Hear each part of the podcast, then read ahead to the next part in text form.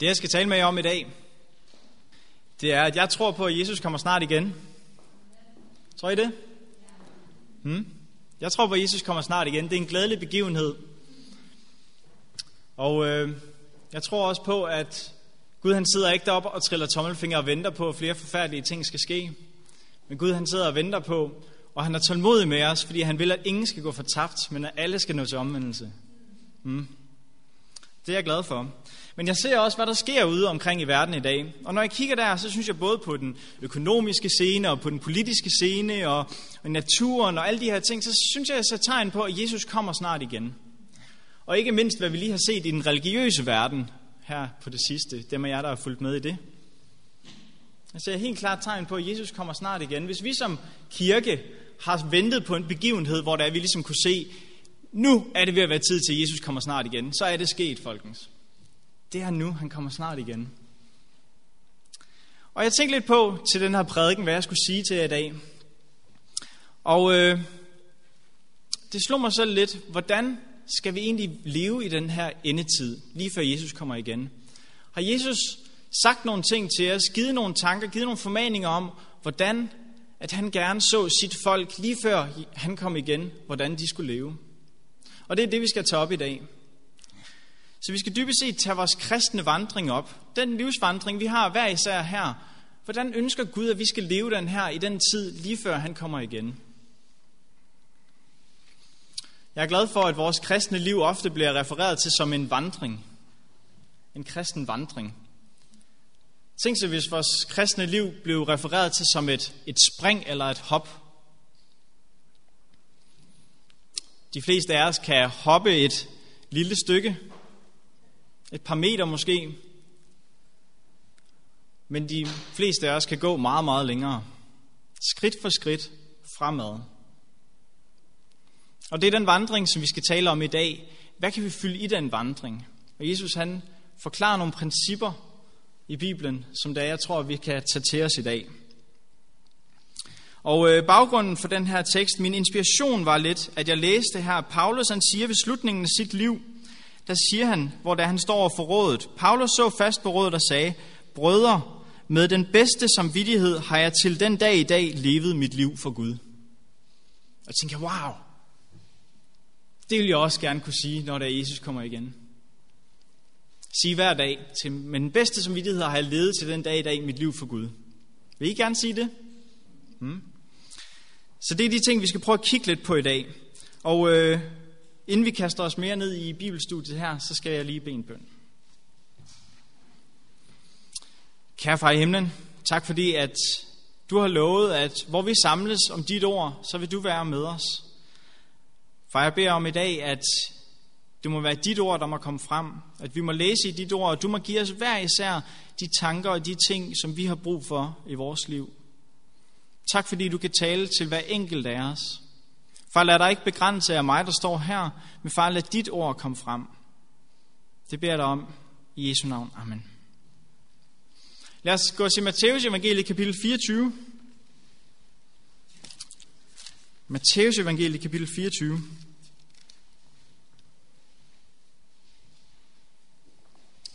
Hvis jeg har jeres bibel så med, så er det en god idé at slå op i den. Vi skal bruge ret meget tid der.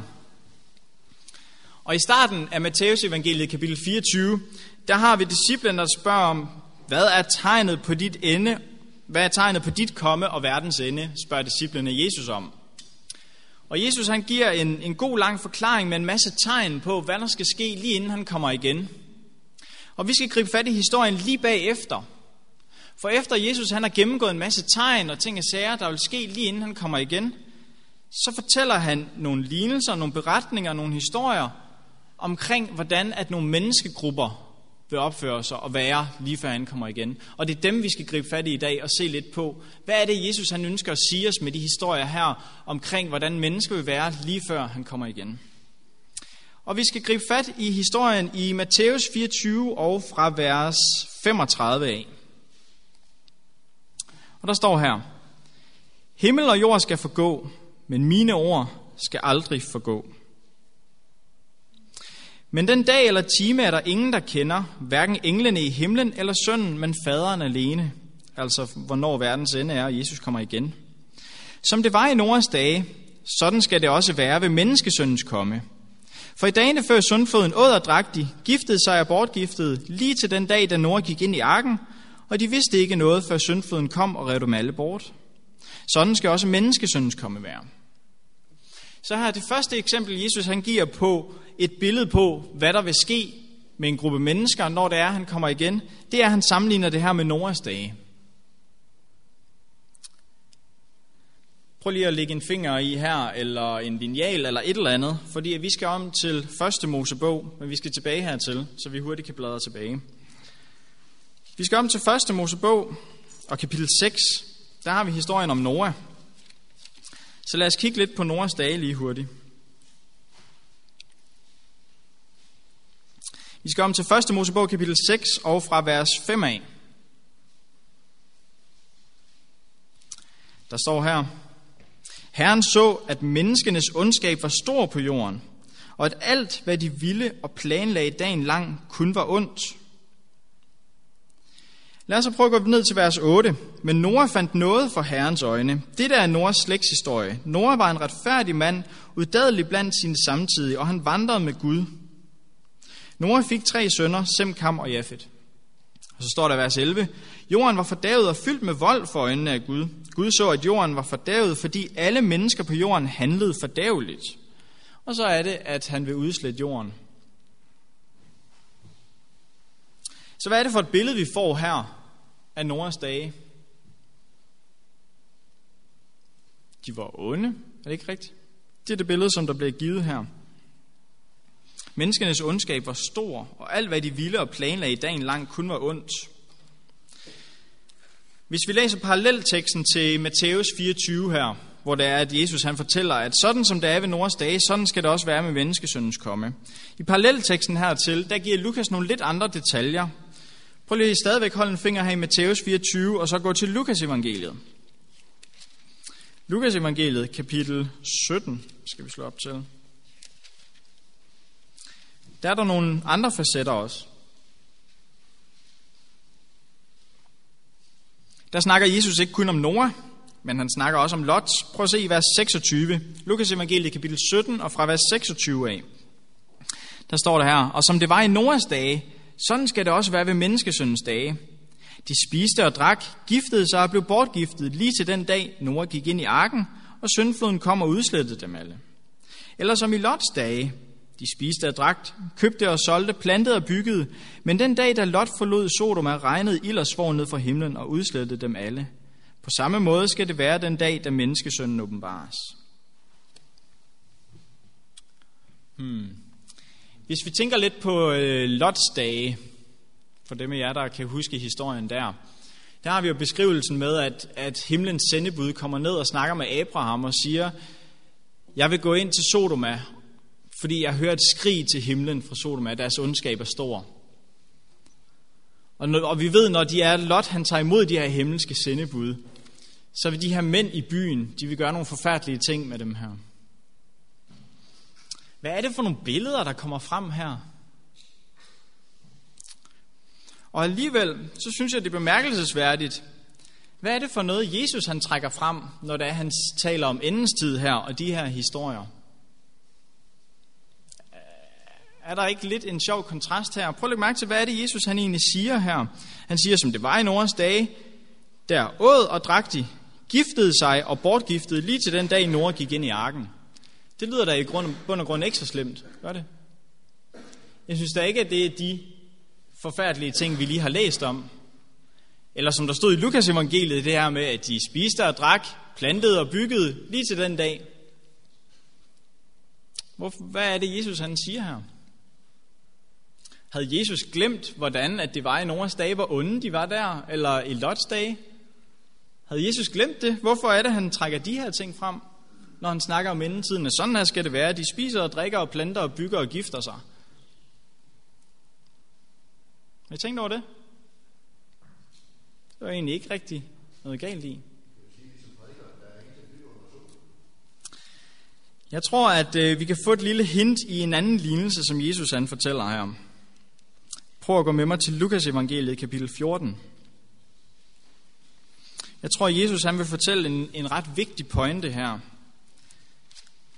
Jesus han har jo lige fortalt om de tegn, hvordan at jorden vil se ud, før det han kommer igen. Jeg tror ikke, Jesus han er efter den specifikke ondskab her, når det er, at han fortæller. Men jeg tror, der er en helt anden pointe, at Jesus han vil køre hjem. Lukas evangelie kapitel 14, og vi skal læse en historie fra vers 16 af. Her fortæller Jesus en lignelse. Jesus svarede, der var en mand, som ville holde et stort festmåltid og indbyde mange. Da festen skulle begynde, sendte han sin tjener ud for at sige til de indbudte, kom, nu er alt reddet. Men de gav alle som en til at undskylde sig. Den første sagde til ham, jeg har købt en mark og bliver nødt til at gå ud og se den. Jeg beder dig, have mig undskyldt. En anden sagde, jeg har købt fem par okser og skal lige ud og prøve dem. Jeg beder dig, have mig undskyldt. Og en tredje sagde, jeg har lige giftet mig, og derfor kan jeg ikke komme. Se, de her mennesker i den her historie, de bliver indbudt her til en stor fest, men de har alle tre forskellige undskyldninger for ikke at kan komme til den her fest. Ligger I mærke til, hvad det egentlig er for nogle ting, de siger? Den ene har lige købt sig en mark. Der er sådan set ikke noget galt i at købe sig en mark, med andre ord arbejde, så man kan få føde på bordet og, og til livets oprethold. Det er der ikke noget galt i.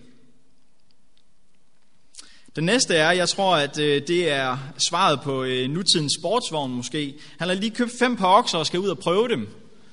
Det lyder i hvert fald sådan, ikke? Han skal lige ud og prøve de her okser. Men han har i hvert fald erhvervet sig et eller andet, så han kan desværre heller ikke komme. Og den sidste, han er lige blevet gift, så han kan altså desværre heller ikke komme. Spørgsmål, er der noget forkert i de her ting? Er der noget forkert i at købe den her mark eller blive gift? Hmm. Er der noget forkert i det, med øh, som øh, Jesus siger i Matthæus 24? Hvor han siger, de spiser og drikker. Plantet og bygget.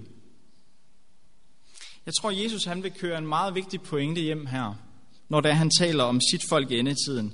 Jeg tror, Jesus siger meget klart og tydeligt til os, gør ikke nogen dagligdags ting, som I prioriterer højere end Guds rige. Jesus han har indbudt os alle sammen til den her fest. Og når vi tænker over, hvad det er for en fest i overført betydning, de egentlig sagde nej til, så er det nogle tåbelige argumenter, de bruger for ikke at komme. Det, det er dem selv, der vælger det her fra, på grund af, at de har købt et eller andet, eller de skal altså lige sørge for det her. Og jeg tror præcis, det er den pointe, Jesus han tager frem her. Han trækker ikke ondskaben frem i Noras dage eller i Lots dage. Han siger, de spiser, de drikker, og de giftede sig, planter og bygger. Det er det, de er optaget med, og de ænsede ikke. Der stod her, de vidste ikke noget, før syndfloden kom. Så mennesker, Jesus tegner altså et billede af her, at der er nogle mennesker i den sidste tid, der vil være mere optaget med helt almindelige dagligdags ting, der i sig selv ikke er skidt, men som har taget fokus og prioriteten fra Guds rige. Kan I se det? Giver det mening? Jeg tror, Jesus han giver os en advarsel her og siger, jeg vil ikke mangle en eneste af jer. Prioriter mig højere end de her ting. Jeg er ikke imod, at I spiser og drikker. Vi skal også spise i himlen af livets træ. Og Jesus indstiftede også ægteskabet, og jeg tror også, det kan være en velsignelse. Det er ikke det, der er noget i vejen med. Der er ikke noget i vejen med de her institutioner, som, som Gud har stillet op her. Men der er noget i vejen med at prioritere de her ting højere end Guds rige. Det er der, Jesus han sætter fingeren på pulsen og siger, folkens, i den sidste tid, I må være opmærksom på ikke at sætte noget højere end mit rige. Giver det mening så langt, så godt? Okay. Og læg mærke til, at Gud i historien om Noah frelste alle dem, der ville høre. Alle dem, der ville høre på det. Alle dem. Tror jeg, at det har taget prioritet for Noah at stille sig op og bygge den her ark og bruge så mange år af sit liv på det? Noah han kunne have sagt, prøv lige at høre, jeg har ikke tid til det her. Jeg har en hel familie, der skal spise og drikke, og jeg skal også bygge mit hus, og jeg skal dit og dat.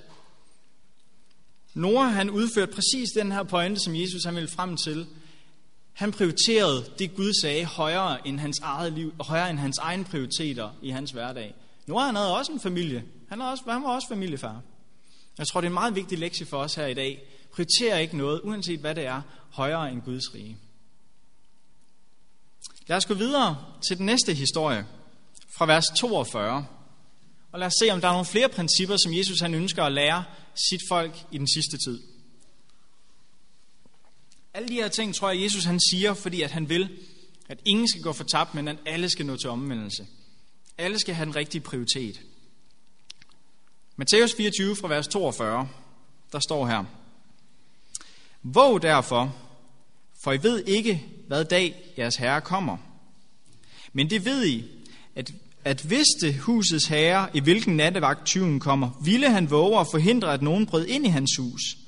Derfor skal også I være redde, for menneskesønnen kommer i den time, I ikke venter. Og så fortæller han videre en, en, et lille billede her. Hvem er så en tro og klog tjener, som af sin herre er sat til at give hans folk deres kost i rette tid? Salig den tjener, som hans herre finder i færd med at gøre det, når han kommer. Okay? Så det er det næste billede, som Jesus han fortæller her.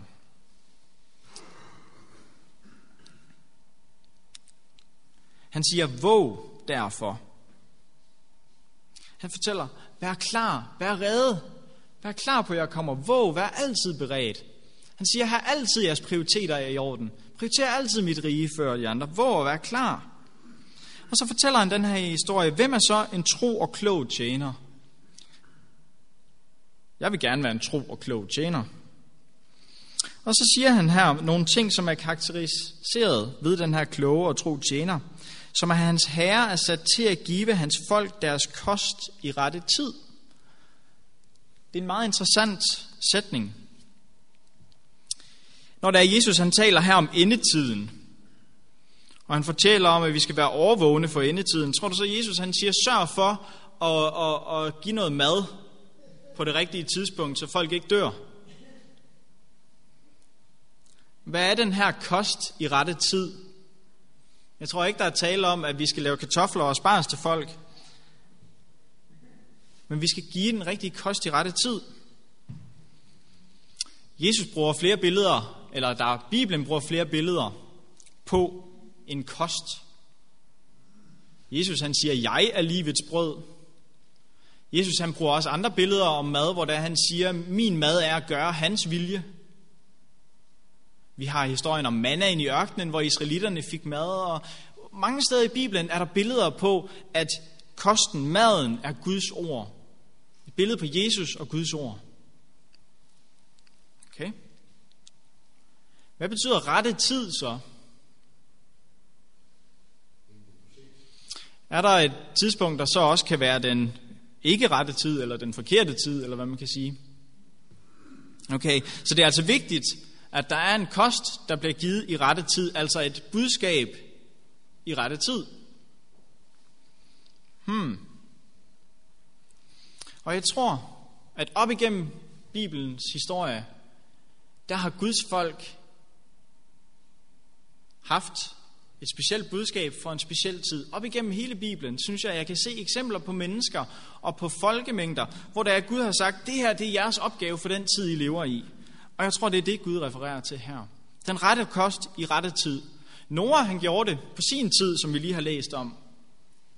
Han var sat til at bygge den her ark på det her tidspunkt, og advare folket om, der kommer en syndflod. Disciplerne på Jesus tid var meget fokuseret af at fortælle hele verden om, at Jesus er Kristus. Jesus er den messias, som vi har ventet på. Vi har også Guds endetidsfolk, der skal give et specielt budskab for en speciel tid. Prøv at forestille jer, hvis det er, at Noah havde givet sig til at prædike.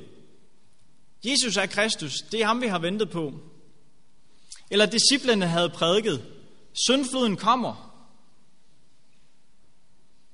Det havde været et forkert budskab for den tid, de levede i, selvom det er et bibelsk budskab. Men det var ikke myndet på den tid, de levede i. Det ville have været mærkeligt, hvis disciplene rendte rundt og prædikede om, at syndfloden kom. Det havde ikke været korrekt. Et rigtigt budskab for den rigtige tid, siger Jesus her. Det er en klog og god tjener. Jeg tror også, at Guds endetidsfolk har et specielt budskab for en speciel tid. Jesus kommer snart igen, og han har givet sit folk en speciel opgave, og det synes jeg meget klart kommer frem. i den her tekst. Er I med mig så langt? Giver det mening? Hmm? Jeg tror på, at vi har et specielt budskab for en speciel tid. Ikke fordi Gud elsker os mere end alle mulige andre, men alle, der kan læse Bibelen, kan også se, at Guds folk har altid haft en opgave for den tid, de levede i. Og så siger han, salig den tjener, som hans herre finder i færd med at gøre det, når han kommer. Sandelig siger jeg, han vil sætte ham til at forvalte alt, hvad han ejer. En af de ting, jeg elsker ved de her historier, som vi skal tage op i dag, det er, der bliver ikke lagt skjul på, at hver eneste af de her ting, der er også en belønning. Jesus han siger klart og tydeligt, hvis det er, at den her tjener gør det her, hvis det er, han finder ham i færd med at gøre det, når han kommer, så vil han sætte ham til at forvalte alt, hvad han ejer. Fantastisk. Der er en belønning ved at gøre det. Det ligger der ikke skjul på. Når det er, at den her tjener skal være i færd med det, når han kommer. Nu hopper vi tilbage til den historie om Nora igen. Tror I, det kræver prioritering? Hmm? Det kræver lidt prioritering. Det kræver, at vi prioriterer Guds sag højere end vores eget, og kan give det her budskab i rette tid, før det er for sent. Så Jesus fortæller de her historier, det giver en større sammenhæng. Vi får et større og større billede af, at vi skal prioritere Guds sag højere end vores eget. Vi skal våge at være klar. Vi skal give det her budskab, det rigtige budskab for den rigtige tid. Og det kræver prioritet. Tingene her hænger sammen. Og Jesus siger, som belønning, jeg vil sætte ham til at forvalte alt, hvad han ejer. Det er en stor belønning. Jeg tror, at Gud han ejer ret meget. Tror I ikke det? Vi skal se lidt mere på, hvad det er, det her det kan betyde. Den næste historie, Jesus fortæller i Matthæus 25 fra vers 1 af, den springer vi over i dag. Det bliver en tale til en anden dag. Men vi skal se på fra vers 14 af. Der kommer en lille mere. Så vi er nu fra Matthæus 25 og fra vers 14 af, hvor der Jesus han fortæller en historie om en rig mand, der rejser væk.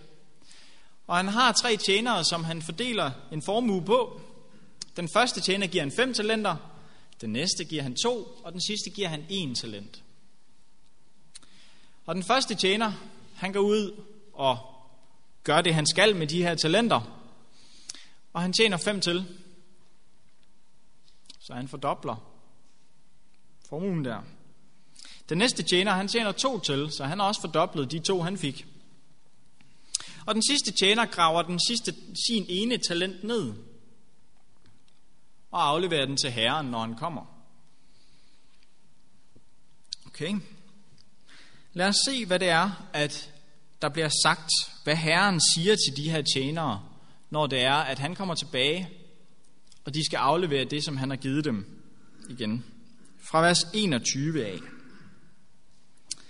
Så Matteus evangelie kapitel 25 fra vers 21, der står der, Hans herre sagde til ham, Godt du gode og tro tjener, du har været tro i det små, jeg vil betro dig meget, gå ind til din herres glæde.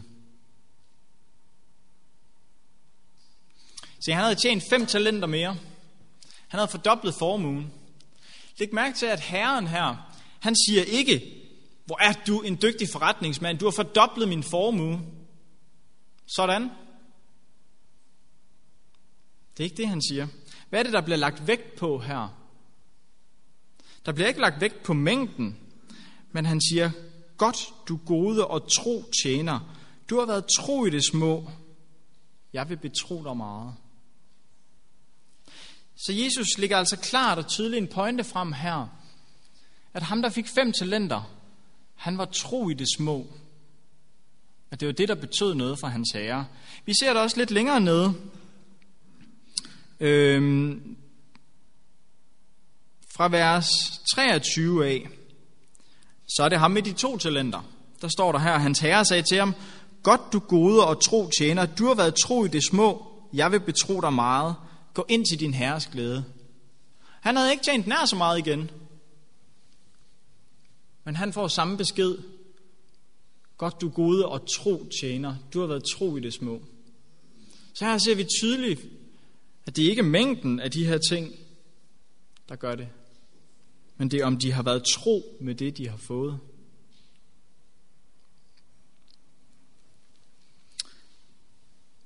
Det er, om de har været tro med det, de har fået. Jeg tror, vi alle sammen har fået nogle talenter af Gud også.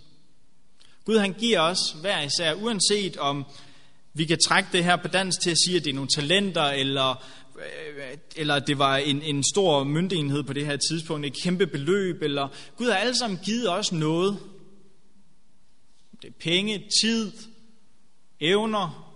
Gud har alle sammen givet os noget her, som man ønsker, at vi skal bruge. Og det handler ikke om, hvor dygtig du er til det, eller mængden af det her, men det handler om, om du har tro med det, som du har fået. Gud han måler ikke på, om den ene er dygtigere end den anden, men om vi er hver især at tro med det, vi har fået. Prøv at se så, hvad det, hvad det er, han, ham som fik en talent, som bare gravede den ned. Han har jo sådan set ikke brugt den. Historien siger jo ikke, at han har, at han har brugt den på tand og fjæs, og kommer nu igen og siger, hm, jeg kan desværre ikke aflevere dig den her mønt. Det er jo ikke det, der er sket. Han afleverer faktisk den samme mønt tilbage. Han får at vide her i vers 26, men hans herre sagde til ham, du dårlige og dogne tjener, du vidste, at jeg høster, hvor jeg ikke har sået, og samler, hvor jeg ikke har spredt. Så burde du da have betroet mine penge til vekselerende, så jeg havde fået mit med rente igen, når jeg kom tilbage. Tag derfor talenten fra ham, og giv den til ham med de ti talenter. For enhver, som har, til ham skal der gives, og han skal have overflod, men den, der ikke har, fra ham skal selv det tages, som han har. Umiddelbart, når man læser det her, så kan den lyde lidt omvendt af, hvad Jesus' teologi egentlig normalt går ud på. Men hvis vi tænker over historien her, at de andre får ros for, at de er en god og tro tjener. Jeg tænker nogle gange på, at den her historie, hvor det er, at Jesus han siger, at vi alle sammen vi har fået nogle evner, nogle midler, nogle talenter, noget tid. Vi har alle sammen fået vores liv her, vores kristne vandring. Vi kan fylde i det, hvad vi vil. Og hvad er det, Jesus han måler på her? Han måler på, om de har været tro i det små. Og jeg tænker nogle gange historien, jeg ved ikke, om jeg må have lov til at trække den så langt, men sige, at den kan gentage sig igen og igen og igen. Sådan tænker jeg den lidt. At hvad nu med ham, som havde fået to talenter? Han tjente to mere. Så næste gang, så siger han til jer, jeg kan betro dig meget. Hvad har han så næste gang? Så har han fire talenter at gøre godt med. Og så kører den igen og igen og igen, og hans herre kan betro ham endnu mere og mere og mere og mere, fordi han er tro i det små. Han er tro i det, han har fået.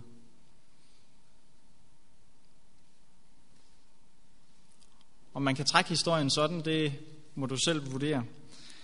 Men øh, jeg tror i hvert fald, at Gud, når det er, han ser, at han kan tro, at vi er tro i det små, så vil han betro os rigtig, rigtig meget. Jeg tror ikke, der er grænser for, hvad Gud han kan betro os, hvis det er, at vi er tro i det små her. Okay? Men vi må også lige lægge mærke til, at der er en kæmpe advarsel her for den tjener, som bare holdte status quo, eller hvad man skal sige.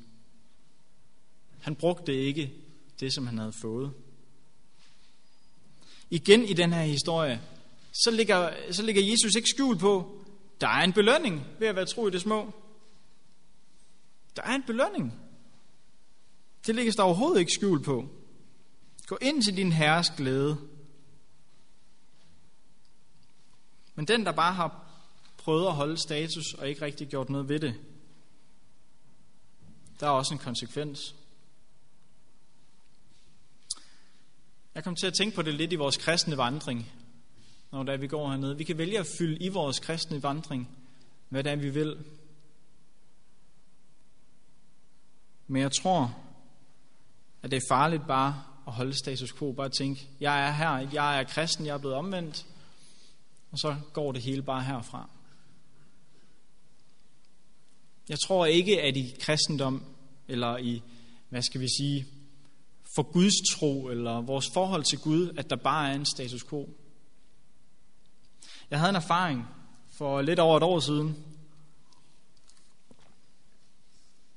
Der havde jeg også en vandring.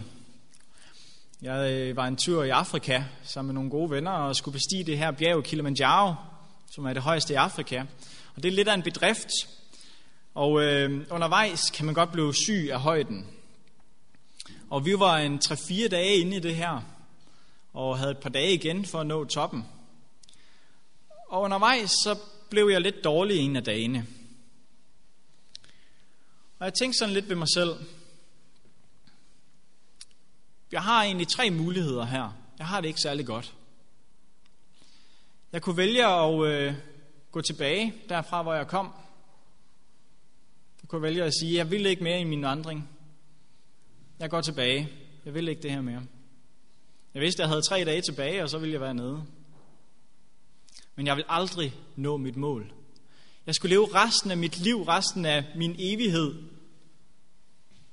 og vide, at jeg ikke havde nået mit mål for min vandring.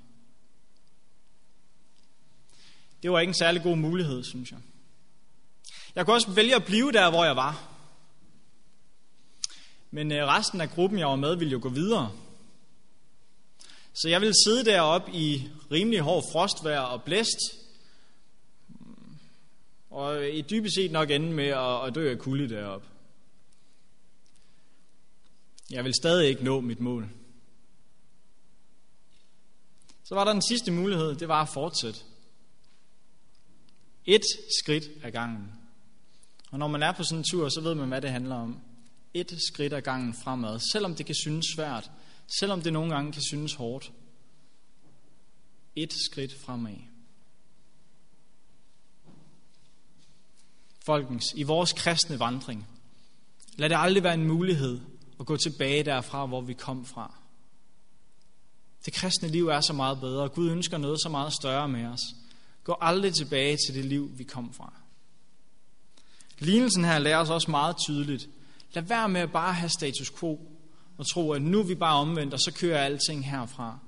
Blive der, hvor vi er, er heller ikke en mulighed. Lad os gå videre, skridt for skridt i vores kristne vandring, og nå det mål, som Gud har lovet os. Lad os gå videre i vores kristne vandring.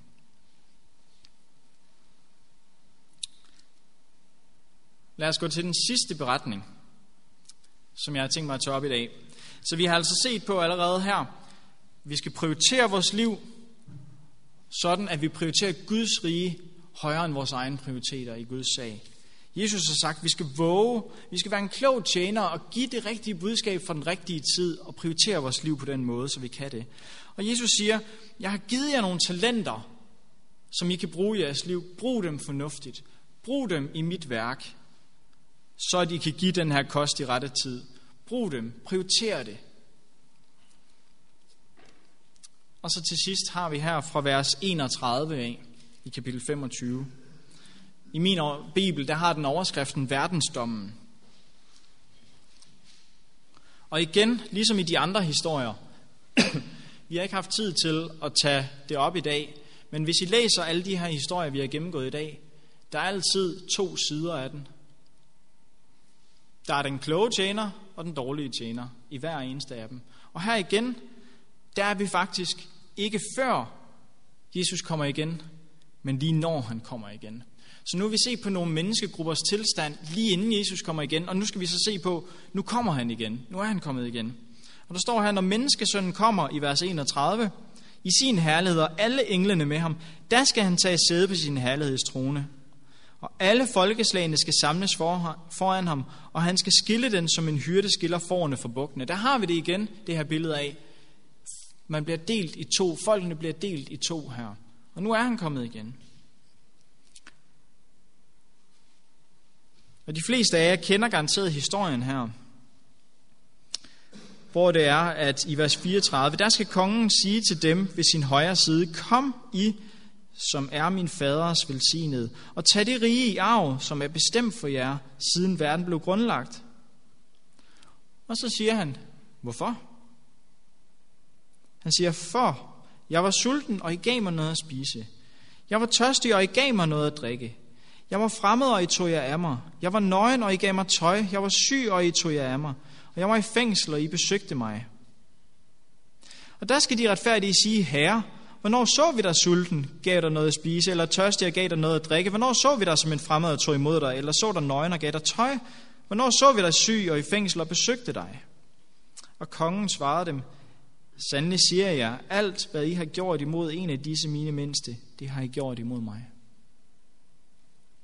Læg mærke til her, her der sætter Jesus nogle konkrete eksempler på, hvordan at vi kan være en klog tjener, hvordan at vi kan bruge vores evner, som han har givet os, hvordan vi kan bruge vores talenter, som han har givet os, hvordan at vi kan sætte prioriteterne i vores liv. Jesus han skemalægger det her.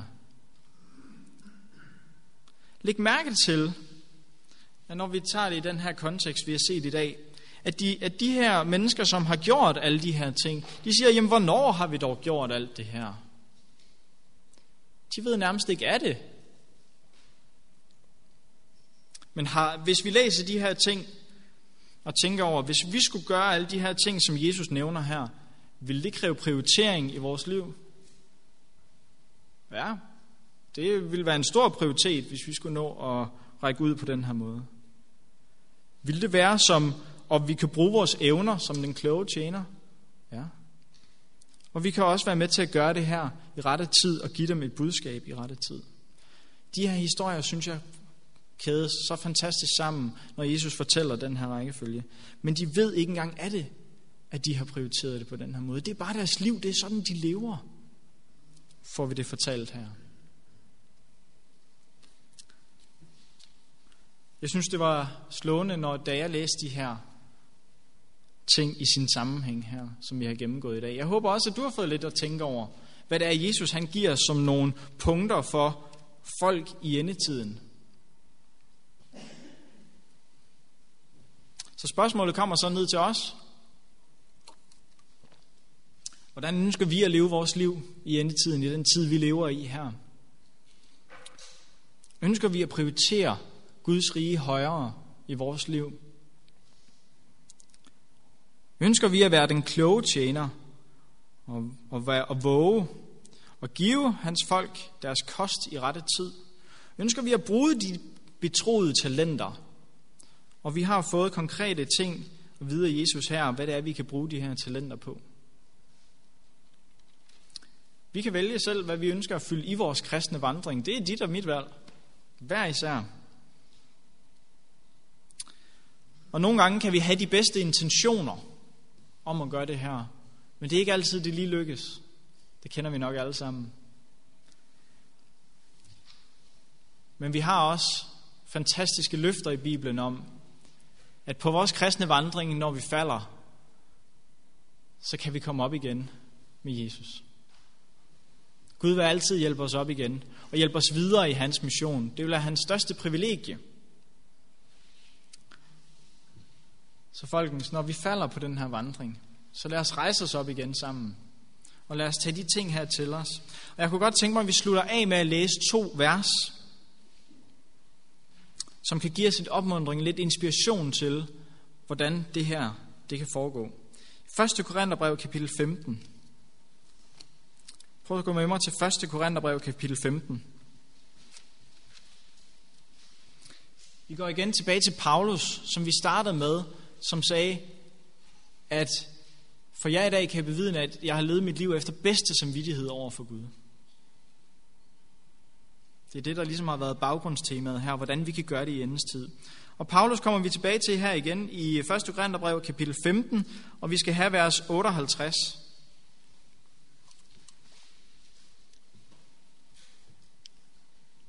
Der står her, Derfor, mine kære brødre, stå urokkeligt fast, og giv jer helt hen i arbejdet for Herren. I ved jo, at jeres slid ikke er spildt i Herren. Det var hans erfaring. Ser I ikke Paulus som en mand, der har knoklet hele sit liv for at udbrede evangeliet? For at give den rette kost i rette tid til hans tid, som han levede i. Han siger, giv jer helt hen i arbejdet for Herren, og I ved, det ikke er spildt. I ved, det ikke er spildt arbejde. Vi må aldrig tro, at når vi gør noget i Guds sag, at det er spildt arbejde. Gud han ser hver en lille ting, og han kan gøre ting til noget stort, selvom vi ikke synes lige, det er noget stort. Gud kan bruge hver især en af os. Gud har givet os alle sammen talenter. Gud har alle sammen givet os de samme muligheder. Vi kan også gøre noget stort i Herren. Vores arbejde vil ikke være spildt. Og det sidste vers, jeg vil tage jer med til i dag, vi skal lidt til højre igen, 2. Timotius. 2. Timotius kapitel 4 og fra vers 7 af. Det er igen Paulus, der siger noget til Timotius. 2. Timotius 4 fra vers 7. Der står her, Paulus han er beslutningen af sit liv.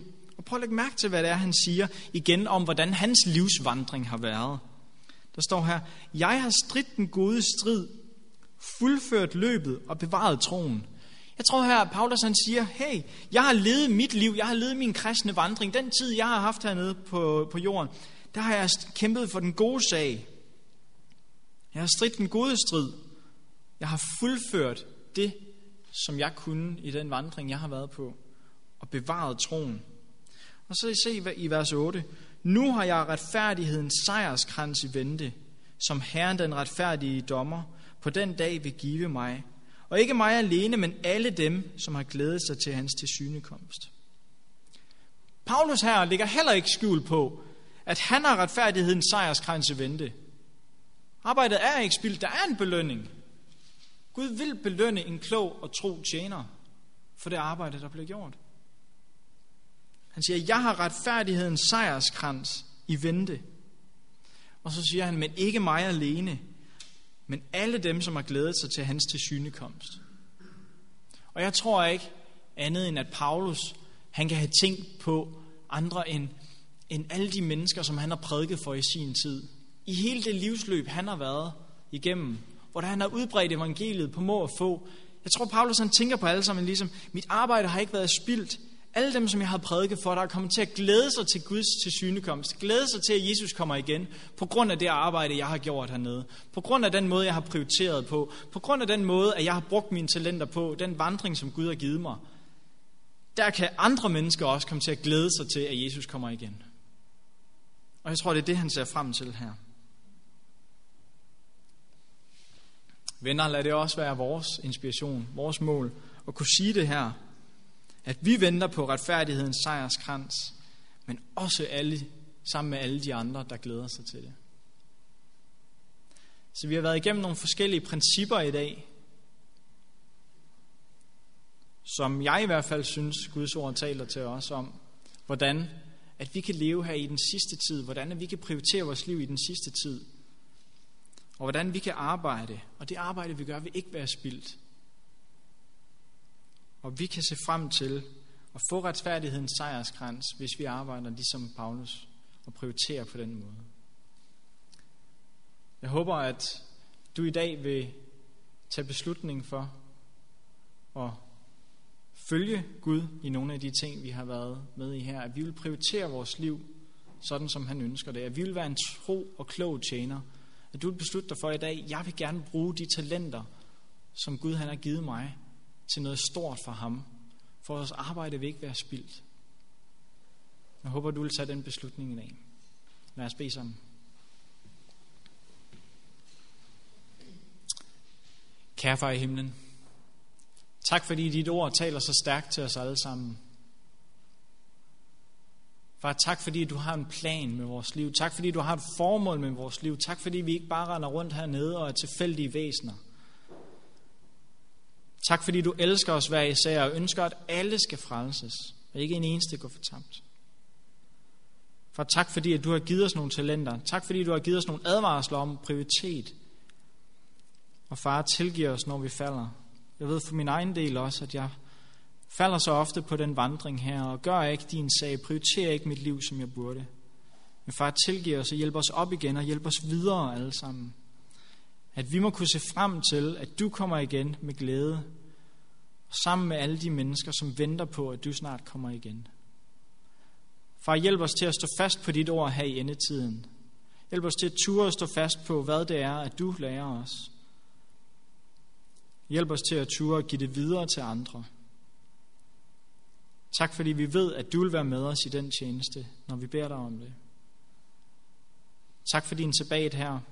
Og jeg beder om, at vi alle sammen hver dag på ny må lave en pagt med dig om, at i dag ønsker vi igen at prioritere vores liv efter din vilje. Jeg takker dig for dine løfter. Takker dig for din nåde og din frelse. I Jesu navn vi beder. Amen.